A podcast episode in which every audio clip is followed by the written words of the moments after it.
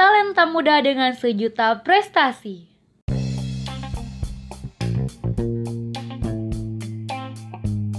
Selamat datang di Ngebet Podcast Ngobrol Seru Bareng Mikat. Kenalin aku Enggit Clara. Sebelumnya aku mau kasih tahu dulu nih apa sih ngobrol seru baru Mikat ini? Ngobrol sampai dibikinin podcast segala. Tapi ini bukan ngobrol sembarang ngobrol. Kita bakal ngobrol seputar UKM yang ada di UMY dan kita bakal mengulik pengalaman menarik dan seru dari mahasiswa berbakat dan berprestasi di UMY. Wow. Tentunya bintang tamu bintang tamu di Ngebut Podcast ini bakalan seru-seru abis. Baiklah langsung saja kita ke bintang tamu kita kali ini. Ini bintang tamu pertama kita karena ini episode pertama dan aku pun pertama kali jadi host jadi uh, agak dimaafin. Langsung saja kita ke Kak Alpian. Dada dada dulu dong Kak dari jauh. Halo halo. Kak Alpian ini merupakan ketua umum dari Koperasi Mahasiswa UMY atau biasa yang kita sebut dengan Kopma. Boleh dong Kak perkenalan diri dulu Halo semuanya, selamat malam. Selamat malam juga, Inggit. Ya. Ya, perkenalkan nih nama saya Alfian Ramansyah. Lebih enaknya panggil saya aja, uh, Ian atau Mas atau Kak ya silakan. Uh, saya uh, ketua umum uh, Kopma UMY periode 2020-2021. Uh, jurusan saya ekonomi syariah 2018. Aduh, mantep banget. Kalbian, boleh dong cerita uh, secara mendetail gitu loh kayak apa sih UKM Kopma ini gitu loh. Oke, bener banget nih Inggit, makasih pertanyaannya ya. Uh, Kopma itu koperasi mahasiswa, jadi kita sebagai mahasiswa maupun mahasiswi belajar ke bidang kewirausahaan nih yang uh, unit kegiatan mahasiswa yang diberikan kepada kampus untuk kita mendalami apa sih kewirausahaan itu dan kenapa kita harus menjadi seorang wirausaha ya nantinya dan juga kita juga belajar nih prinsip-prinsip dasar atas koperasi terus bagaimana sistem koperasi itu dan sebagainya macamnya seperti itu Inggit. Wih mantap banget nih ya buat teman-teman yang pengen jadi pengusaha bisa gabung di koperasi mahasiswa ini. Nah kak, kalau kepengurusannya sendiri nih kak, ada apa aja kak? Apakah ada dibagi jadi beberapa divisi gitu? Atau pastinya, bagaimana kak? Pastinya Inggit. Jadi kalau kami pun uh, ada perbedaan ya pastinya ya. Perbedaan di antara kepengurusan Kopma dengan kepengurusan lainnya. Kalau kami kami itu ada pengawas ya sistemnya. Jadi posisinya tuh sama kayak aku dalam strukturalnya. Jadi kita memiliki pengawas, yaitu ketua pengawas, terus juga ada pengawas satu dan pengawas dua.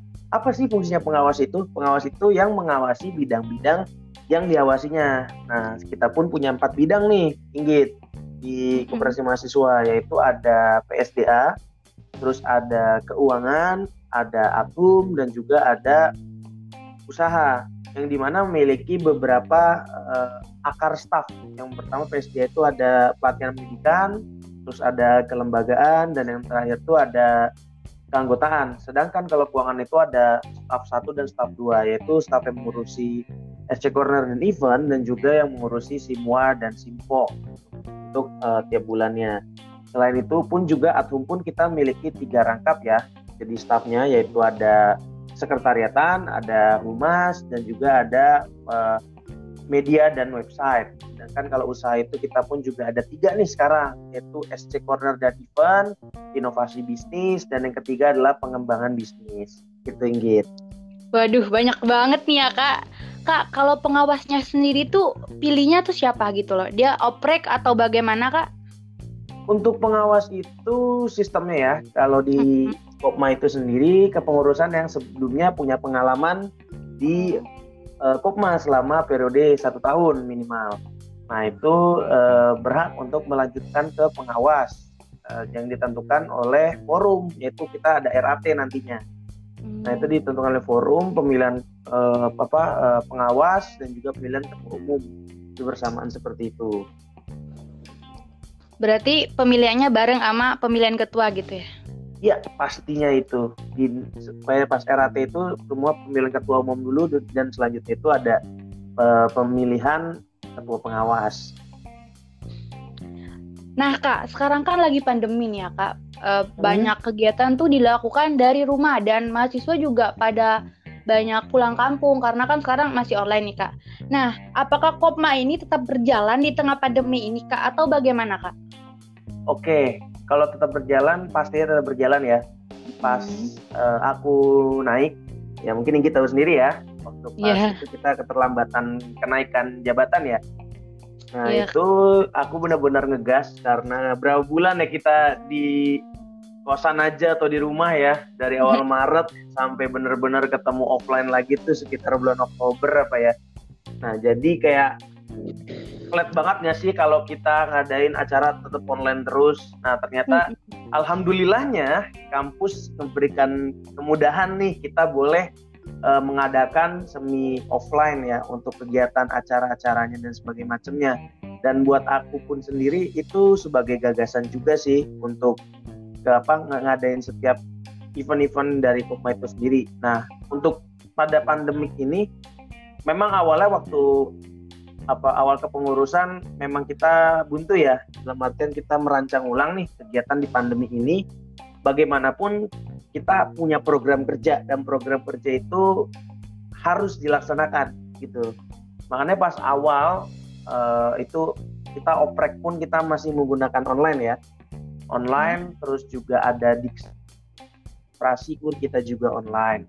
Nah, tapi kalau untuk next event yang benar-benar ditunggu sama Kupma sekarang nanti stay tune aja juga dari BEM ya itu kita ada kegiatan Pokma yaitu acara nasional kita apa ya e, berpaling ke bisnis. Jadi kita belajar bisnis jadi event organizer yang buat terutama antusias dari anak-anak anggota baru Pokma yang sekarang nih. Kita hmm. memberdayakan anggota-anggota Pokma 20 ini untuk berantusias membuat event semenarik mungkin di era pandemi.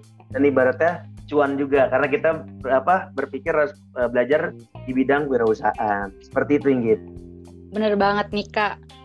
Kita harus kayak apa ya sekarang tuh zaman udah karena kita new normal jadi banyak yang berubah. Ya pastinya itu pasti banget. Kemarin waktu oprek itu kak gimana antusias maba buat ikutan apa lebih uh, antusiasnya lebih tinggi dari sebelum pandemi atau sekarang malah menurun atau tetap sama kak? Uh, kalau antusias menurutku lebih sekarang antusias ya. Nah, oh. Bisa juga maba-maba sekarang nih udah capek juga kali ya pandemik dan dia baru masuk kuliah waktu itu kan. Ya dia masih bingung wah udah pandemik dulu mungkin SMA dia lulus dari pandemik gitu kan lulus yang ibaratnya dari zaman pandemik terus dia kuliah juga pandemik juga terus juga ada uh, organisasi atau UKM mereka antusias banget sih sampai waktu pas awal kita oprek pun itu sekitar 80 orang yang mendaftarkan ke Kopma UMY sesuai dengan target kita sih di pengurus. Berarti itu tuh banyak ya kak, antusiasnya tuh antusiasnya untuk tahun ini tuh tinggi. Untuk antusias tinggi, pastinya tinggi banget sih kalau menurutku, apalagi keaktifan ya di keaktifan sekarang itu eh, baik yang di masih di kampung yang melakukan secara online terus juga yang offline pun juga antusias banget sih untuk datang diskusi bareng sama kita sih sejauh ini. Kebanyakan nih anggota-anggota Kopma nih ada di Jogja apa pada di rumahnya kak? Uh, untuk anggota sekarang kebanyakan sih masih ada di Jogja ya beberapa ya mantan juga masih ada yang masih di luar Jogja gitu loh nah pastinya uh, waktu awal-awal banyak yang baru pulang ke sini ya. Tapi nanti pas puasa kayaknya banyak lagi balik ke rumahnya iya. masing-masing deh. Mau lebaran kan? Iya betul banget. Dan itu kita harus persiapan banget sih. Mestinya untuk untuk kegiatan-kegiatan yang mendekati ini kita benar-benar uh, kasih minta toleransi pada mereka nih. Untuk antusiasnya setidaknya ya jangan awal-awal banget puasa terus mereka pada pulang gitu kan. Ya, kita juga nanti sama dengan mati suri lagi lah ibaratnya seperti itu. Bener banget nih kak. Mantep banget berarti di Kopma ya kak. Banyak banget uh, yang masih antusias yang anggota-anggotanya buat ikut dan masih eksis sampai sekarang. Di tengah pandemi kan banyak organisasi nih yang kayak mereka pasif banget, terdup malahan karena nggak bisa karena pandemi kan, tapi Kopma tetap berjalan. Itu luar biasa banget sih kak. Ya, uh, kalau kami sih, terutama dari saya ya, oh dari mm -hmm. saya sih ya uh, terlalu mengingatkan kepada pengurus, terutama pengurus tim saya ya, saya mau menyebutnya tim ya, bukan pengurus. Uh, tim saya itu bagaimanapun kita punya tanggung jawab ya, mau keadaan pandemi atau apa pun itu, tanggung jawab kita tuh sudah dirangkul di apa di beban kita gitu loh. Kayak kita tuh udah ngerangkul beban itu. Kalau kita nggak melaksanakan semaksimal mungkin ya rasanya bagi bagi kami tuh mengecewakan uh, para anggota nantinya seperti itu gitu loh. Makanya kami tetap eksis dibilang tetap eksis uh, mencoba sih mencoba untuk tetap eksis ya. Maksudnya kami pun juga ada niatan semoga Kopma itu bisa menjadi contoh lah buat teman-teman dari UKM lain dalam mengadakan uh, apa apa pun kegiatan itu kita nggak bisa apa namanya menyalahkan sebuah pandemik ya gitu loh atau sebuah keadaan tapi kita pun bisa memanfaatkan keadaan itu untuk apa namanya menjadikan uh, eh, UKM kita tetap berjalan seperti itu sih Mantep kak. Nih UKM UKM lain nih bisa mencontoh di Kopma gimana tetap eksis di saat pandemi kayak gini. Iya pastinya. Nah kak, uh, boleh dong kasih alasan kenapa nih teman-teman harus banget gabung di Kopma? Apa sih keuntungan dari gabung di Kopma ini, Kak? Oke. Kenapa uh, apa mahasiswa atau mahasiswa yang UM itu harus masuk ke Kopma? Karena gini, di era kita kan generasi Z ya, bukan generasi X lagi ya atau yeah, generasi Y. Kita udah generasi Z gitu loh. 2021. Potensi wirausaha itu udah sangat sangat potensial ya Bahkan mm-hmm. uh, Menteri Ekonomi Kreatif aja ingin membangkitkan jiwa kewirausahaan di milenial kita sekarang gitu loh. Nah, come on, kita berpikir apakah kita terus jadi pekerja kan enggak ya? Kita juga harus belajar nih untuk setidaknya mengenai konsep-konsep dasar dalam berwirausaha, terutama kooperasi. Nah, kenapa kenapa harus ikut kooperasi juga dalam wirausahaan? Karena kooperasi itu kita ingat historik gitu, kita ingat tahun 98 di zaman ya Uh, mungkin Inggit tahu sendiri kan waktu zaman yeah. 98 itu bagaimana keadaan ekonomi hancur dan sedangkan uh, Kopma uh, terutama bagian koperasi ya ibaratnya mereka adalah uh, apa namanya penahan gitu loh sebagai penahan untuk membantu perekonomian pada saat itu. Nah, jadi kalau misalkan teman-teman yang pengen bergabung nah, mereka satu step lebih uh, unggul kalau menurut saya ya. Satu step menjadi unggul untuk masuk koma karena apa? Mereka punya potensial untuk membuat bisnis usaha menerima resiko apa pun itu menganalisa keadaan dan bisa memanfaatkan suatu keadaan itu menjadi sebuah peluang untuk menghasilkan sebuah profit. Seperti itu. Jadi kayak uh, udah saatnya lah untuk generasi Z jangan hanya rebahan karena kita udah berapa lama kita rebahan kan saat awal pandemik sampai sekarang masa harus masih rebahan. Terus kita harus uh, go kita harus uh, keep spirit keep fight untuk apa namanya uh, menumbuhkan perekonomian perekonomian nih. Terutama kita nih generasi Z yang sangat dibutuhkan yang sangat juga diharapkan oleh pemerintah terutama ya untuk menghasilkan benih-benih benih baru untuk uh, membuat sebuah uh, bisnis atau usaha itu sih paling gitu. Bener banget nih kak kan sekarang tuh banyak orang yang susah dapat kerja ya. Sebenarnya ya, mereka tuh bisa buka peluang kerja baru ya, bukan malah cari pekerja, tapi mereka gitu loh yang buka peluangnya. Iya, betul banget. Uh, kita harus ubah mindset ya. Uh, pastinya itu di generasi-generasi 90-an kali ya, yang mindsetnya ya kita berda kita setelah lulus kita kerja sama orang yeah. gitu loh. Nah, akan tetapi kita Nah, itu dia. Apalagi zaman-zaman dulu mikirnya habis dia lulus CPNS kan. Masa seperti itu gitu. Mengabdi kepada pemerintah. Ya emang uh, dari saya pun juga nggak menyalahkan sih. Mm-hmm. tapi ben, balik lagi potensi kita sekarang di wirausaha loh gitu loh. Dan banyak generasi generasi-generasi muda yang berwirausaha gitu loh. Contohnya uh, saya punya pandangan sendiri gitu pandangan sendiri berwirausaha kalau uh, ingin tahu ya apa pandangan saya adalah Mas Gilang gitu loh. Mas Gilang kan wirausaha muda, dia di umur 24 tahun dia udah menghasilkan berapa ratus juta. Nah, seperti itu. Nah, ibaratnya kita nih sebagai mahasiswa yang ibaratnya lebih tergerak ya apalagi sekarang kita udah memahami banget lah untuk teknologi masa uh, tidak mau belajar kewirausahaan sampai sekarang dan masih berpikiran tahun 90-an gitu loh yang setelah lulus kita nyari kerja kita jadi pekerja. Bukan kita yang membuat pekerjaan. Seperti yeah. itu. Kan kita juga nih ya masih muda. Harus hmm. banget bisnis karena kita tuh belum ada tanggungan tanggungan ya gitu ya kak. Iya betul. Kita masih masih ya nanggung diri kita sendiri. Belum ada anak atau kita belum punya keluarga buat ditanggung. Jadi penting banget nih buat anak-anak muda kalau mau berbisnis dimulai dari sekarang. Iya betul kalau menurutku karena anak-anak uh, muda itu suka yang namanya resiko ya. Gitu loh suka namanya resiko suka namanya tantangan suka namanya mencari peluang gitu loh. Ya udah saatnya lah untuk mereka itu uh, terjun ke situ gitu loh. Karena kebanyakan yang saya lihat sendiri ya dari uh, generasi-generasi muda ini masih takut untuk terjun ke risiko sebenarnya gitu loh. Apalagi yeah, kan kayak bisnis ini kan namanya bisnis itu ada gagal. Kalau bisnis itu mustahil kalau tidak ada kegagalan.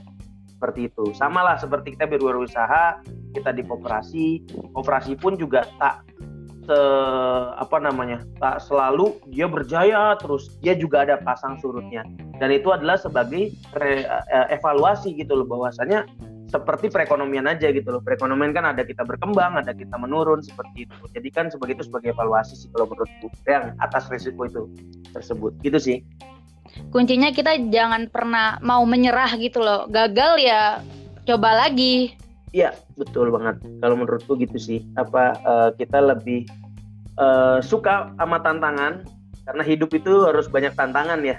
Kayak, ya, kayak benar banget. ya kita bukan nyari masalah ya, tapi kita itu harus bisa hmm, apa namanya memecahkan suatu permasalahan dan kita tidak bisa apa namanya uh, menghindari dari masalah tersebut. Sama kayak kita hidup nih, kita men, udah kita lulus, kita mencari uang, kita kita membuat usaha yang usaha kita menurun. Nah, kita punya strategi itu permasalahan yang diuji kepada kita gitu loh. Nah, hmm. gitu. Seperti kayak kita belajar di Kopma nih. Ya, seperti itu. Ada yang misalkan membuat uh, apa event yang ibaratnya nanti ada cuannya gitu loh atau ada profitnya. Nah, itu nantinya per, kita oke kita mikirin uh, pencapaian analis eh, analisa awang-awang lah menurutnya gitu ya. Awang-awang wah dapat uang segini nih. Tapi kan prosesnya itu pasti ada naik pasang surutnya kan. Nah, seperti iya. itu yang kita cari sebenarnya di Kopma ini gitu loh. Untuk regenerasi-regenerasi yang lebih berpikir kritis, lebih siap untuk menerima realita yang ada dan juga apa ya, meluruskan bahwasanya bisnis itu gak semudah apa yang kalian pikirkan cuman hanya buka terus uji produk udah. Akan tetapi bisnis itu ada resiko terus ada ada apa namanya ada kalian harus uh, strategi pemasarannya seperti apa, terus bagaimana orang itu percaya sama produk kita dan sebagainya macam seperti itu sih. Waduh, mantep banget nih Kak Alpian. Benar-benar membuka uh, pandangan nih anak-anak muda buat gak cuman mikirin kerja tapi kalian juga harus buka lapangan kerja gitu loh. Karena sekarang tuh susah banget kan dapat kerja. Kenapa mesti sesuai cari kerja kalau kita bisa buka lapangan kerja? Iya, betul banget sih kalau menurutku sih. Jadi ya untuk kaum kaum muda nih, ubahlah mindset kalian gitu loh. Jadi pembuat lapangan kerja dan jangan uh, menjadi mentalnya pekerja ya. Oke, kalau kalian ibaratnya pengen mencari pengalaman dulu yang bekerja, oke. Tapi jangan terlalu nyaman sama pekerjaan kalian dan mental kalian akan terus bermindset sebagai pekerja gitu loh. Tapi kalau jadikan kalian itu mengambil sebuah pekerjaan untuk apa namanya experience ya atau ibaratnya pengalaman kalian untuk terjun di kerja dan kalian akan implementasikan ke dalam usaha kalian nanti menurutku itu oke okay sih untuk uh, ke depannya oke nih kak makasih banget Kalpian karena udah ngeluangin waktu dan mau bergabung nih di ngebut podcast dan cerita-cerita seputar UKM Koma dan gimana sih uh, kita generasi muda nih biar bisa berkembang gitu dan message-nya lebih terbuka. Kira-kira nih kak, kakak ada nggak kutipan atau pesan biar teman-teman nih pada termotivasi dan siapa tahu ada yang mau gabung juga di Kopma nih kak?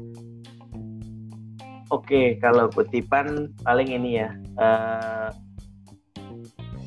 hari apa? Uh, pokoknya intinya gini, jangan apa namanya? Jangan terlambat untuk kamu terlalu, terus untuk berjuang dan berubah gitu loh karena uh, kenyamanan kita atas uh, kondisi kita itu akan tersesali suatu saat nanti kalau aku gitu sih prinsipnya jadi uh, bagi teman-teman yang sudah proses sekarang di mana pun berada atau misalkan mau gabung banget sama UK, uh, UKM Kopma yang kita bergerak demi perusahaan boleh banget nanti kepoin IG kita juga ya IG Kopma UMY terus bisa main-main juga nih ke student center lantai satu kalau mau uh, tanya-tanya apalagi buat angkatan yang baru nanti ya 2021 kita sangat memerlukan membutuhkan ide-ide kreatif kalian.